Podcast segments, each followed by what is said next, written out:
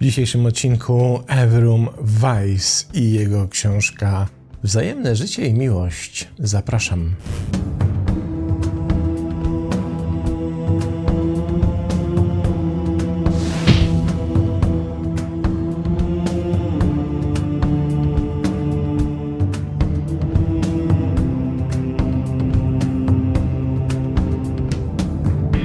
I zaczniemy jak zwykle od sprawdzenia, kim jest autor dzisiejszej książki.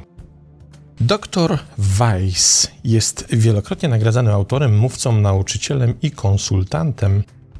Jest uznawany w całym kraju, mowa oczywiście o Stanach Zjednoczonych, za swoją pionierską pracę rozwijającą teorię i zastosowanie psychoterapii opartej na relacyjnym doświadczeniu oraz przełomową pracę nad kompleksową teorią zmian w jednostkach i organizacjach. Przeszkolił setki psychoterapeutów w zakresie bardziej osobistego, relacyjnego modelu psychoterapii.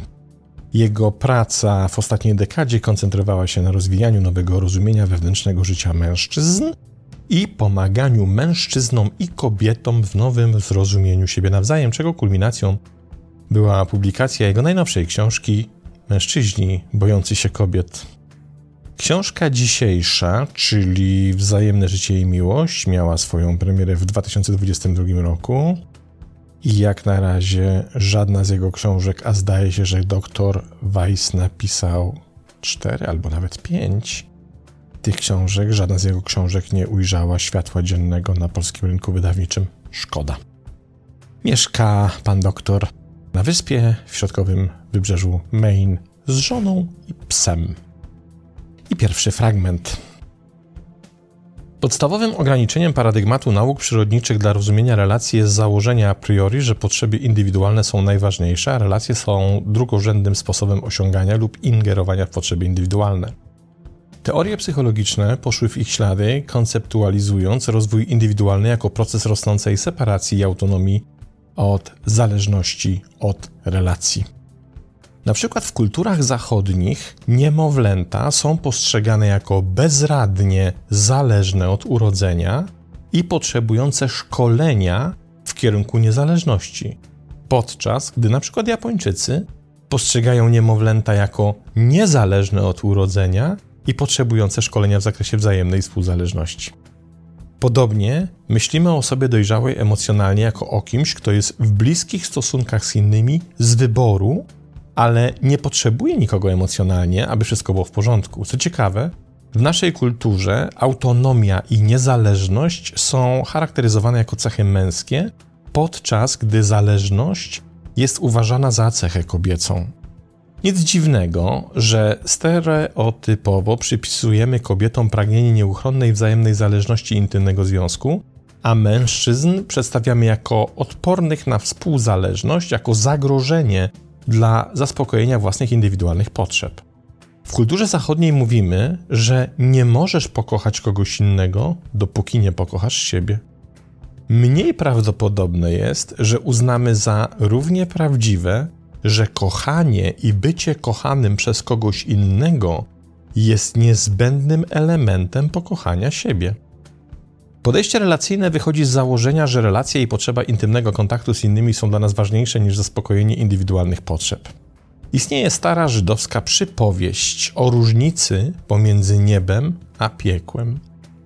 W piekle wszyscy siedzą wokół długiego stołu, zastawionego najwspanialszym jedzeniem, jakie można sobie wyobrazić, ale wszyscy są wychudzeni i głodni, ponieważ każdy ma wyjątkowo długie widelce przywiązane do przedramion i nie może nimi na tyle manipulować, by podnieść jedzenie do własnych ust. W niebie układ jest dokładnie taki sam, ale ludzie są dobrze odżywieni i szczęśliwi, ponieważ sięgają przez stół, aby nakarmić się nawzajem. Sięganie przez stół, aby się nakarmić, jest wynikiem myślenia relacyjnego. Wzajemna relacja sprzyja wzrostowi i rozwojowi obu osób. Powiedziałbym mocniej, aby związek sprzyjał rozwojowi jednej osoby, musi sprzyjać rozwojowi obu osób i odwrotnie. Każda relacja, która jest szkodliwa dla jednej osoby, jest szkodliwa dla obu. I to jest niezwykle chyba istotne i też jest powodem, dla którego sięgnąłem po właśnie tę książkę, a mianowicie dostrzeżenie różnicy podejścia w relacji z podejścia dwóch osobnych, indywidualnych elementów tworzących relacje do podejścia relacji jako wspólnoty, jako kooperacji, jako zupełnie nowego trzeciego elementu. W tej pierwszej perspektywie zawsze istnieje dużo większe zagrożenie, że pomiędzy wódkę a zakąskę przysłowiową wkradnie się ego. Dlatego, że ego pilnuje naszych indywidualnych filtrów. Ego decyduje o tym, co mi zagraża, co mi przeszkadza, co mi się nie podoba, co jest dla mnie nie okay, na ile ja stracę na czymś, na ile ja na czymś zyskam. Mówiąc inaczej, ego zawsze patrzy z perspektywy ja, moje, własne i tak dalej. Dr Weiss, który przez lata pracował i do dzisiaj pracuje jako psychoterapeuta par, mówi, że utrzymanie relacji w tej pierwszej perspektywie jest niezwykle trudne, bo wymaga bardzo wielkiej walki z sobą, wielu kompromisów i zrezygnowania tak naprawdę z połowy swojego świata. Ale to wcale nie jest jedyne podejście. Można zmienić podejście na podejście relacyjne, które on uważa za dużo ciekawsze i dużo bardziej skuteczne w tworzeniu długotrwałych związków. W skrócie, to drugie podejście polega na tym, że oto kiedy dwie osoby łączą się w związek i zaczyna być tworzona relacja, to wraz z samym aktem tworzenia tej relacji powstaje jakby trzeci osobny twór. Znika ten dualizm ja, czyli znikają te dwie indywidualności, z których każda walczy o swoje, i pojawia się zupełnie nowy, trzeci element element my. Jeśli w danej relacji każda z tych stron jest w stanie to dostrzec, zaakceptować i docenić wartość tego, że oto tworzymy nowy element my, to to zmienia wszystko, bo zmienia się cały paradygmat myślenia. Konflikt nie jest rozwiązywalny wówczas z pozycji kompromisu pomiędzy jednym ja a drugim ja, ale na przykład konflikt jest rozwiązywalny z pozycji my. A zatem w rozwiązaniu konfliktu nie bierze się pod uwagę, co ktoś straci, co ktoś zyska, tylko w jaki sposób my wspólnie, jako ten trzeci twór, jesteśmy w stanie ogarnąć konflikt, czego się z niego nauczyć i w jaki sposób posunąć sprawy do przodu. To drugie podejście relacyjne implikuje tak nieprawdopodobną ilość rzeczy, że będąc w tym pierwszym, indywidualnym postrzeganiu świata i relacji, nawet nie jesteśmy sobie w stanie tego wyobrazić. I o tym de facto jest ta książka. Czyli mówi, istnieje możliwość stworzenia długotrwałej, zgranej, bliskiej relacji, ale warunkiem tego stworzenia jest zmiana tych perspektyw. I oczywiście pamiętając, że zarówno badania doktora Weissa, jak i jego doświadczenia dotyczą rynku amerykańskiego i pracy z tamtymi ludźmi, to myślę, że odnajdziemy bardzo wiele wspólnego z tym, w jaki sposób my postrzegamy relacje i to, co w tych relacjach dla nas może stanowić problem. Szczególnie, że dr Weiss specjalizuje się w takim rozróżnianiu pomiędzy tym, jak reagują w relacjach kobiety, a jak reagują mężczyźni, i on stara się dostrzegać te różnice i je tłumaczyć i wskazywać, skąd pochodzą i dlaczego mamy z nimi do czynienia. Posłuchajmy kolejnego fragmentu. Mężczyźni na ogół bardzo się denerwują, gdy kobiety mają silne uczucia. Nie ma znaczenia, czy kobieta jest przerażona, smutna, zła, czy nawet naprawdę szczęśliwa. Nawet jeśli kobiety jasno dadzą do zrozumienia, że nie są zdenerwowane swoim partnerem, mężem, on prawdopodobnie nadal będzie się niepokoił. Aby poradzić sobie z własnym niepokojem, mężczyźni często próbują uspokoić kobiety, gdy te są wzburzone, lub szybko wkraczać, aby naprawić to, co ich niepokoi, lub przekonać je, że nie mają dobrego powodu, by się tak denerwować. Wszystko, co mogą wymyśleć, aby uspokoić kobiety. Dla wielu facetów niepokój ich partnerki staje się najważniejszą rzeczą, jaka się dzieje. I absolutnie niewiele więcej może się wydarzyć, dopóki się tym nie zajmie. Dlaczego kobieta tak otwarcie destabilizuje emocjonalnie tak wielu mężczyzn? Dlaczego po prostu jej nie zignorować, wyjść i robić swoje, dopóki ona sobie z tym sama nie poradzi? Dlaczego tak wielu mężczyzn nie może zignorować emocji kobiet? Podobnie jak w przypadku większości rzeczy związanych ze związkami, odpowiedź jest dość skomplikowana. Emocje kobiet, pisze dr Weiss, podczas kłótni są szczególnie problematyczne dla większości mężczyzn. Mężczyźni zwykle lepiej czują się w faktach niż w uczuciach. Kiedy kłótnia staje się bardziej emocjonalna, mężczyźni mogą czuć się nietypowo, jakby upośledzeni, jakby rozgrywali mecz wyjazdowy na własnym boisku swojej żony czy partnerki. Mężczyźni często próbują wygrać spory, przechodząc do ofensywy, mówiąc swoim żonom, partnerkom, że wpadają w histerię lub zmuszając je do uspokojenia się i nabrania rozsądku, starając się skupić sprawy na ich rodzinnym polu faktów i praktycznych spraw, starając się trzymać z dala od nich wszelkie emocje. Prawdziwym sprawdzianem trwałości jakiegokolwiek związku nie jest siła początkowego przyciągania, ani to, jak dobrze dwie osoby się ze sobą komunikują, ale to, jak wspólnie, skutecznie rozwiązują konflikty. Konflikt jest nieuniknioną częścią każdego intymnego związku. Wszyscy mamy różne sposoby, dzięki którym staramy się zminimalizować lub uniknąć konfliktu, ponieważ jest on niewygodny i może zagrozić bezpieczeństwu związku. Jednak unikanie konfliktów nieuchronnie prowadzi do zwiększenia dystansu i nieszczęścia w związku, a uczenie się, jak rozwiązywać konflikty, jest jednym z głównych sposobów, w jaki ludzie uczą się być bliżej i bardziej intymnie. Ponieważ mężczyźni często powierzchownie, błędnie rozumieją konflikt ze swoimi żonami, partnerkami jako problem behawioralny, mają tendencję do szukania rozwiązań behawioralnych, czyli najprościej, zazwyczaj przeprosin. Przeprosiny nie są na ogół skuteczną naprawą konfliktu w związku, ponieważ najczęściej są słabo zawoalowaną próbą przedwczesnego zakończenia sporu i przywrócenia status quo bez pełnego wysłuchania uczuć ich żon partnerek. Z drugiej strony, gdyby mężczyźni postrzegali konflikt z żonami partnerkami jako problem w związku, a nie własną porażkę, mieliby znacznie większe szanse na zrozumienie, co muszą zrobić, aby naprawić związek. Aby rozwiązanie konfliktu było satysfakcjonujące dla obu stron, sugeruje, pisze dr Weiss, aby mężczyźni zaczęli, i to myślę, że nie tylko mężczyźni to powinni zrobić, ale wszyscy, od pewnego eksperymentu, od 30-dniowego memorandum na przeprosiny. Zacznij od nieprzepraszania za nic przez 30 dni. Być może wtedy nauczysz się słuchać bardziej. I oto mamy zadanie i prośba do Was, jeśli możecie i macie ochotę się w nie zabawić w swoich związkach, niezależnie od tego, czy jesteś kobietą, czy jesteś mężczyzną.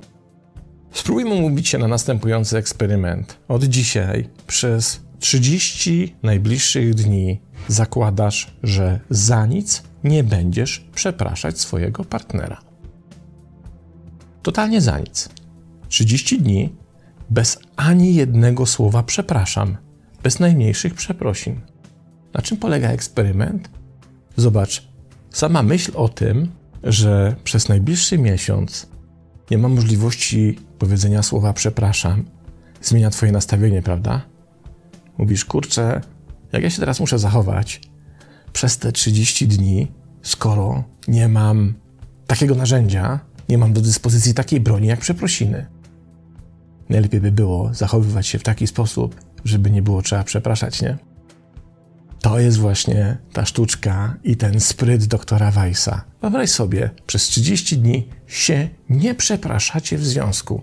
I zobaczcie, czy te 30 dni zmieni wasze zachowanie względem siebie. Ciekawy eksperyment. Posłuchajmy teraz o słuchaniu.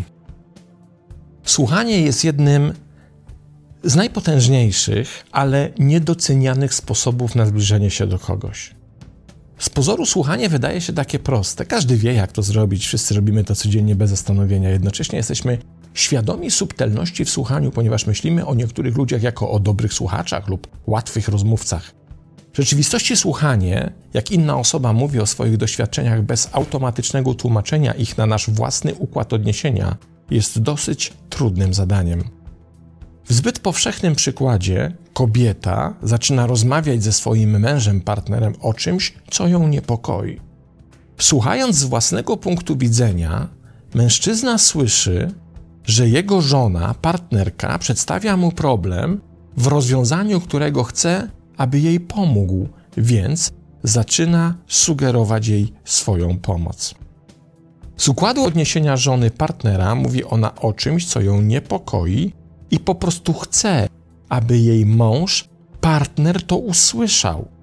Za każdym razem, gdy jej mąż, partner oferuje rozwiązanie, ona czuje się niewysłuchana. Bo to nie o to chodzi. Ona nie po to to mówi. Jest fascynujące w relacjach. Mąż partner, pisze dr Weiss, nie wierzy, gdy jego żona partnerka mówi mu, że nie słucha, ponieważ nie tylko uważnie słucha swojej żony partnerki, ale próbuje wszystkiego, co mogłoby jej pomóc. Jedna konkretna sugestia, którą proponuję parom na temat słuchania, jest następująca, pisze dr Weiss.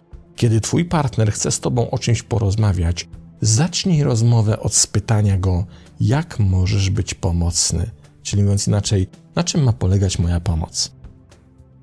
Czy chciałbyś, abym pomógł ci rozwiązać sytuację?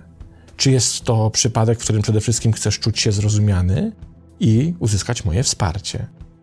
Przez chwilę może to wydawać się niezręczne, ale zdziwisz się, ile to razy może zapobiec kłótniom.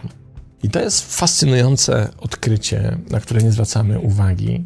My bardzo często, mówię, my faceci, kiedy słyszymy świadectwo niepokoju czy lęku, my bardzo chcemy na to coś poradzić. My bardzo chcemy zaradzić, my bardzo chcemy zaingerować, my bardzo chcemy rozwiązać problem, my bardzo chcemy sprawić, żeby coś się stało, żeby ten lęk czy niepokój minął. A to kurczę nie o to chodzi. To nie chodzi o to, że masz coś zrobić. Masz po prostu wysłuchać i zrozumieć. I nic więcej. I to w zupełności wystarczy.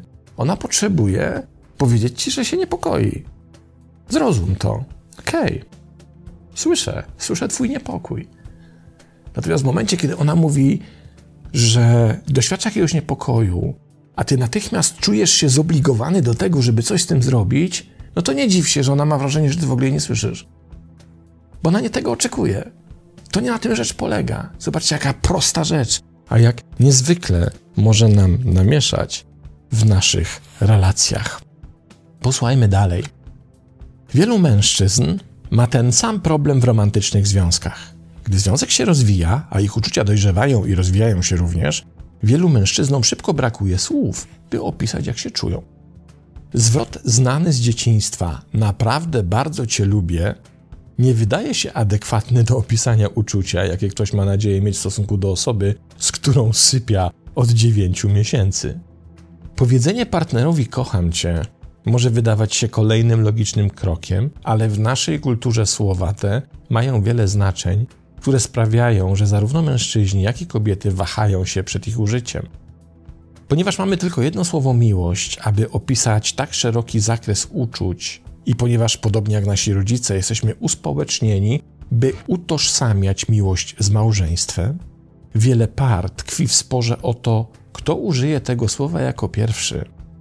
Kobiety są socjalizowane, aby wierzyć, że małżeństwo jest czymś, czego pragną, a mężczyźni nie, więc wahają się powiedzieć kocham cię z obawy, że ich partner, mężczyzna, usłyszy to jako propozycję małżeństwa i ucieknie. Mężczyźni są podobnie socjalizowani, aby wierzyć, że małżeństwo jest czymś, czego nie będą lubić i powinni tego unikać tak długo jak to możliwe. Mężczyźni wahają się więc przed użyciem słów kocham cię, z obawy przed wywołaniem wrażenia, że to tylko kwestia czasu, zanim pojawi się pierścionek. A co by było, i teraz kluczowa rzecz w tej książce, nad którą naprawdę warto się pochylić, zastanowić. A co by było, pisze dr Weiss, gdybyśmy uznali miłość za zachowanie, a nie za uczucie? Jeśli miłość jest uczuciem, trudno jest wiedzieć, kiedy jest prawdziwa, ponieważ nie masz sposobu, aby dowiedzieć się, jak ktoś się naprawdę czuje. Możesz tylko to wnioskować, możesz wywnioskować, jak ktoś się czuje po tym, jak się zachowuje. Dlaczego nie być bardziej bezpośrednim i po prostu użyć słowa miłość, aby odnieść się do samego zachowania. Po prostu, gdy ktoś zachowuje się wobec ciebie z miłością, oznacza to, że cię kocha. Jeśli zachowują się wobec ciebie inni źle, oznacza to, że cię nie kochają. Jakie to proste. Kontrargumentem jest to, że ktoś może zachowywać się wobec ciebie źle w tej chwili, ale wiesz, że cię kocha, ponieważ zachowywał się wobec ciebie z miłością innym razem. Po pierwsze, proszę, abyś jak najrzetelniej pomyślała, pomyślał o stosunku przypadków, w których druga strona relacji zachowywała się wobec ciebie z miłością, do przypadków, w których zachowywała się źle, zanim scharakteryzujesz jego czy jej ogólne zachowanie jako pełne miłości. Nawet jeśli wymyślisz pozytywny stosunek, on, ona nie traktuje cię teraz dobrze, możemy stwierdzić, że nie jest teraz dla ciebie osobą, która pokazuje czy zachowuje się tak, jakby cię kochała. I myślę, że to zadziała w obydwie strony, gdybyśmy zaczęli myśleć o słowie miłość, której przecież w związkach chcemy doświadczać, które jest przepięknym, wspaniałym i potrafiącym trwać przez wiele dekad uczuciem. W kontekście nie uczucia, ale zachowania. Nie mów, że kochasz. Nie musisz mówić, że kochasz. Nie musisz przekonywać do swojej miłości. Nie musisz przekonywać do swoich uczuć. Zachowuj się tak, jak zachowuje się ktoś, kto kocha. A wówczas być może tego nawet nie trzeba będzie mówić. A wówczas nie trzeba będzie tego udowadniać. A wówczas nie trzeba będzie o tym przekonywać. Po prostu, jeśli kochasz drugą osobę, uznaj, że miłość jest zachowaniem, a Twoje zachowanie jest najlepszym świadectwem miłości. Przepiękne, przecudowne przesłanie, które może dość poważnie otworzyć oczy. Doktor Weiss, żyjąc i kochając wzajemnie, czy też wzajemne życie i miłość, możemy w taki sposób przetłumaczyć ten tytuł. Bardzo polecam książka z 2020 roku dla wszystkich tych, którzy być może mieliby ochotę spojrzeć na swoje relacje w nieco inny sposób, wykorzystując ten trzeci, dodatkowy element my. To tyle. Pozdrawiam do następnego razu.